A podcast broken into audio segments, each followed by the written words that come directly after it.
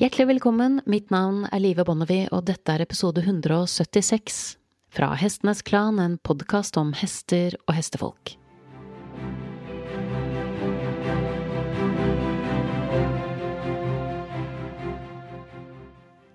Jeg har lenge lovet å publisere en episode om trenere som er verdt å unngå. Og jeg tror en av grunnene til at jeg har utsatt denne episoden, er at timingen har kjentes eh, feil. Men nå kjennes den riktig, kanskje til og med overmoden.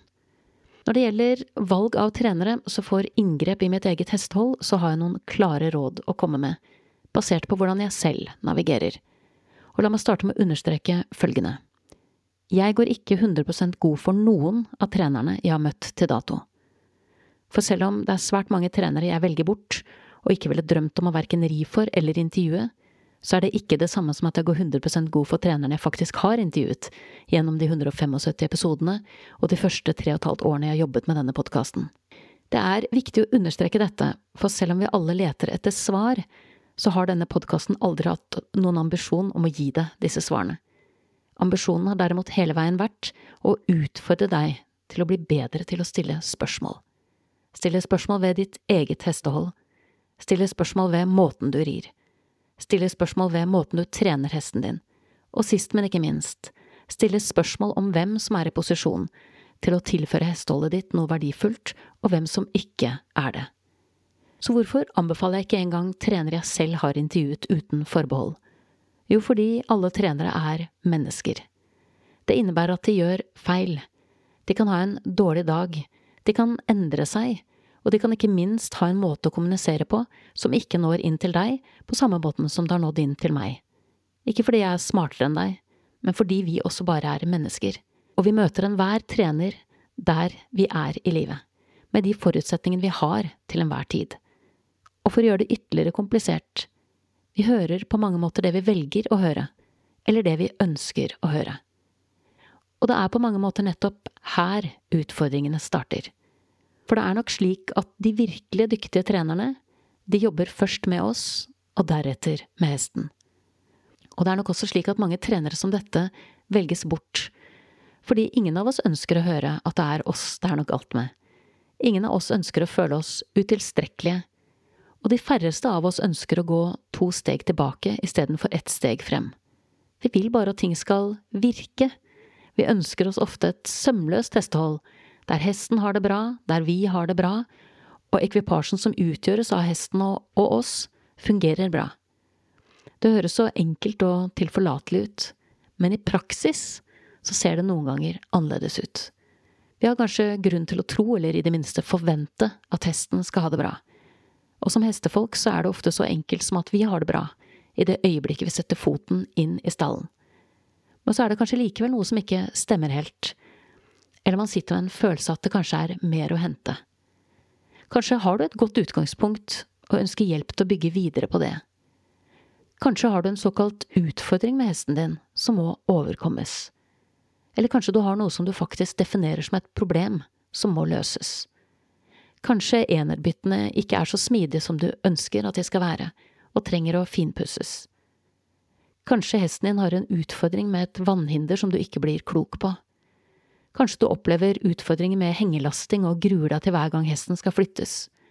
Eller kanskje du har et konkret problem som må løses, som en hest som viser ulike former for konfliktatferd, eller som er vanskelig å håndtere enten fra bakken eller fra salen. Og det er gjerne her treneren, veilederen eller coachen kommer inn i bildet. For vi oppsøker sjelden hjelp hvis vi ikke har et definerte behov for den. Og når vi først gjør det, vil vi gjerne være sikre på at vi får god hjelp, vi vil gjerne ha valuta for pengene, og vi vil ikke minst ha resultater. Og mange trenere der ute har funnet en god rigg for å levere nettopp dette. De selger seg inn som sikre kort, de plasserer seg på et greit nivå prismessig, og de lover resultater. Det er rett og slett en jungel av trenere der ute som er på tilbudssiden, og det kan være krevende å vite hvordan man best skal navigere. Kanskje nettopp derfor ender vi ofte opp med å gå etter andres anbefalinger, basert på andres resultater. Men hvor mye er de verdt? Det blir litt som praten jeg hadde med Anna Berg om rehabilitering i episode 167.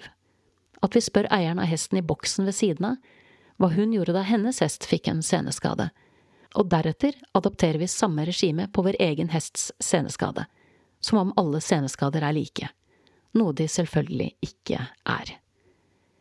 Så fremfor å gi deg en liste over mine personlige erfaringer med trenere jeg har lært mye av, eller trenere jeg advarer sterkt mot, som kan ha begrenset overføringsverdi, så jeg har valgt å dele de tre grunnprinsippene jeg aldri avviker fra, og de ti spørsmålene jeg stiller meg i møte med nye trenere som jeg vurderer å lære noe av. Grunnprinsipp nummer én Jeg rir aldri min egen hest for en trener jeg ikke har sett undervise på forhånd.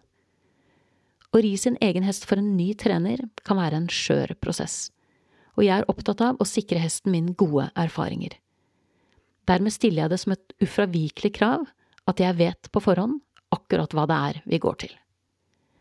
Grunnprinsipp nummer to Det er ikke noe krav fra min side at trenere har en merittliste, men jeg drar ikke på kurs med trenere som ikke er det vi kaller well googled, med mindre de har svært gode referanser fra folk jeg virkelig stoler på.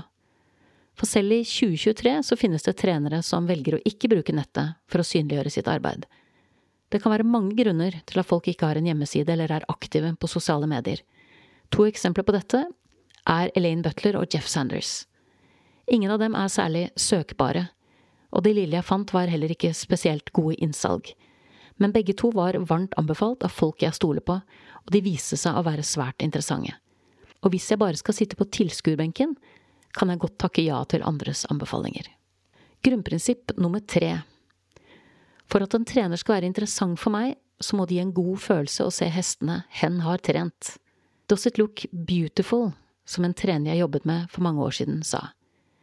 For hvis det du får se ikke gir en god følelse, eller ikke er vakkert å se på, hvis hestene ikke stråler eller er tilfredse, vel, så er det bedre å lete videre. Og her er ti spørsmål som jeg stiller når jeg vurderer en trener. Spørsmål nummer én lover treneren raske resultater. Fordi mange av utfordringene hos en ekvipasje ligger i begrensninger hos rytteren og ikke hos hesten, så kan en dyktig trener så absolutt løse mye på kort tid. Men at andre kan laste hesten din uten problemer, eller gi gode enebytter, er ikke det samme som at du kan surfe på denne fremgangen selv.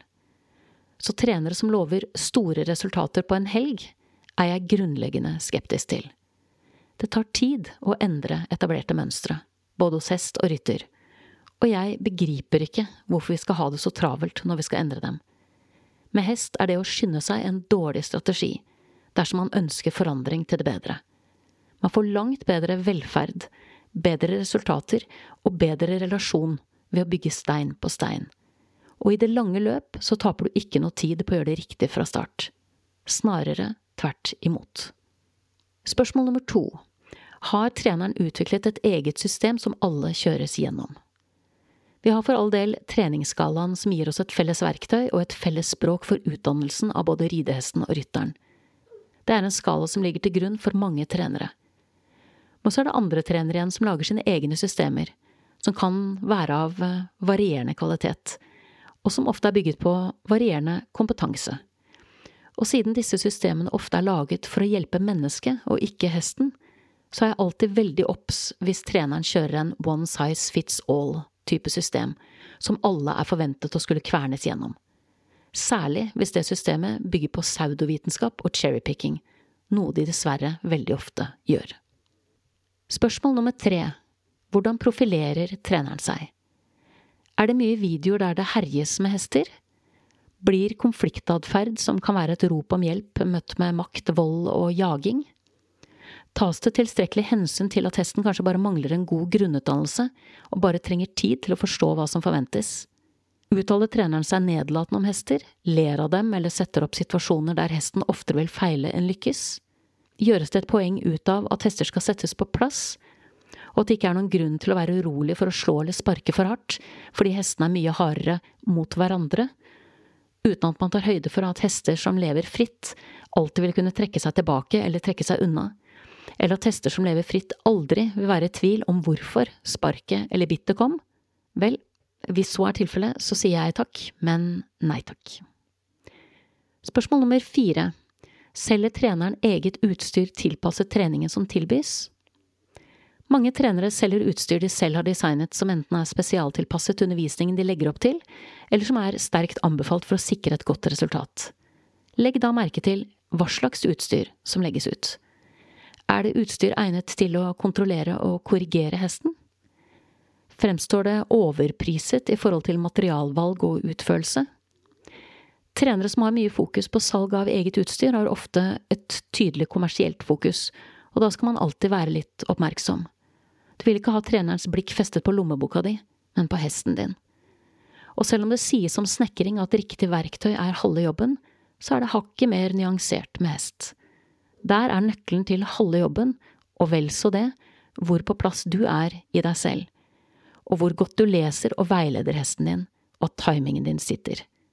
Og det kan du ikke bestille på nettet. Spørsmål nummer fem. Har treneren et eget community eller forum, og hvis så, hva er tonen der inne? Alt som smaker av guruer, halvguder og menigheter, er jeg grunnleggende skeptisk til, og jeg tenker at hvis du velger å være en følger, følg først og fremst hesten din og hjertet ditt. Spørsmål nummer seks overser treneren hestens fysiske utfordringer. Å skulle sitte og se på hester som såkalt ris igjennom, og samtidig vite at det nesten alltid er fysiske utfordringer som gjør at hester ikke gjør som de blir bedt om, det er jeg ikke lenger egnet til. Akkurat som jeg ikke er egnet til å se på hester som blir ridd på en måte som hindrer dem i å puste normalt, se fremover og bevege seg harmonisk. Spørsmål nummer syv Hvordan rir og håndterer tidligere elever hestene sine? Hvis treneren har vært operativ lenge, så er det alltid veldig interessant å se hvordan hestene til elever som har fulgt treneren over tid, fungerer. Og samtidig vurdere om de har et hestehold, en relasjon til hesten og et samspill som inspirerer deg. Eller imponerer deg. Og hvis svaret er nei, så let videre etter en bedre trener. Spørsmål nummer åtte. Kan treneren undervise uerfarne ekvipasjer med innlevelse? En virkelig god trener ser etter det beste i alle ekvipasjer, uansett nivå, og møter dem der de er. For dersom treneren føler at hen eh, kaster bort tiden hvis hen underviser en uerfaren ekvipasje, så er det litt lite lidenskap og litt for mye ego. Spørsmål nummer ni er treneren tålmodig? Det er en grunn til at jeg takker deg for tålmodigheten i hver eneste episode for jeg mener virkelig at tålmodighet er en svært viktig dyd for enhver som tilbringer tid med hester. En trener som blir utålmodig, irritert eller enda verre forbannet, er umoden og har kommet for kort i sin utdannelse til å undervise andre. Punktum. Spørsmål nummer ti. Har treneren tilstrekkelig kunnskap, eller gulpes det bare opp tomme ord? Trenere som fremstiller hesten som et fluktdyr med begrenset kognisjon, men likevel overlater til hesten å i gåsehudene finne løsningen på definerte problemer, og da gjerne under press, der hestens evne til å tenke i beste fall er sterkt redusert, er også trenere jeg unngår å være i nærheten av, fordi de vokser på trær og burde vært ristet ned for lenge siden. Du har nettopp hørt episode 176 fra Hestenes Klan, en podkast om hester og hestefolk og i dag avslutter jeg med en oppfordring, fordi jeg i de siste ukene har erkjent at synlighet har en betydelig verdi når man prøver å endre hestesporten til noe bedre. I forrige uke fikk jeg nemlig vite at jeg er en av fem semifinalister som er nominert til Årets hederspris og prisen for Årets ildsjel på Dyregalla 2023. Det er andre året på rad jeg nomineres til hedersprisen og det å bli nominert til Årets ildsjel i tillegg, det varmer. Og jeg tenker at hvis du støtter arbeidet som ligger bak denne podkasten, så blir jeg virkelig glad om du stemmer frem både podkasten og meg. Du finner link på min hjemmeside livebonnevie.no og på dyregalla.no. Da gjenstår det bare for meg å takke min faste komponist Fredrik Blom, designeren av podkastens visuelle profil, Ove Hals, min lyddesigner Stig Holte, og sist, men ikke minst, vil jeg som alltid takke deg, kjære lytter, for tålmodigheten. Måtte hesten for alltid være med deg.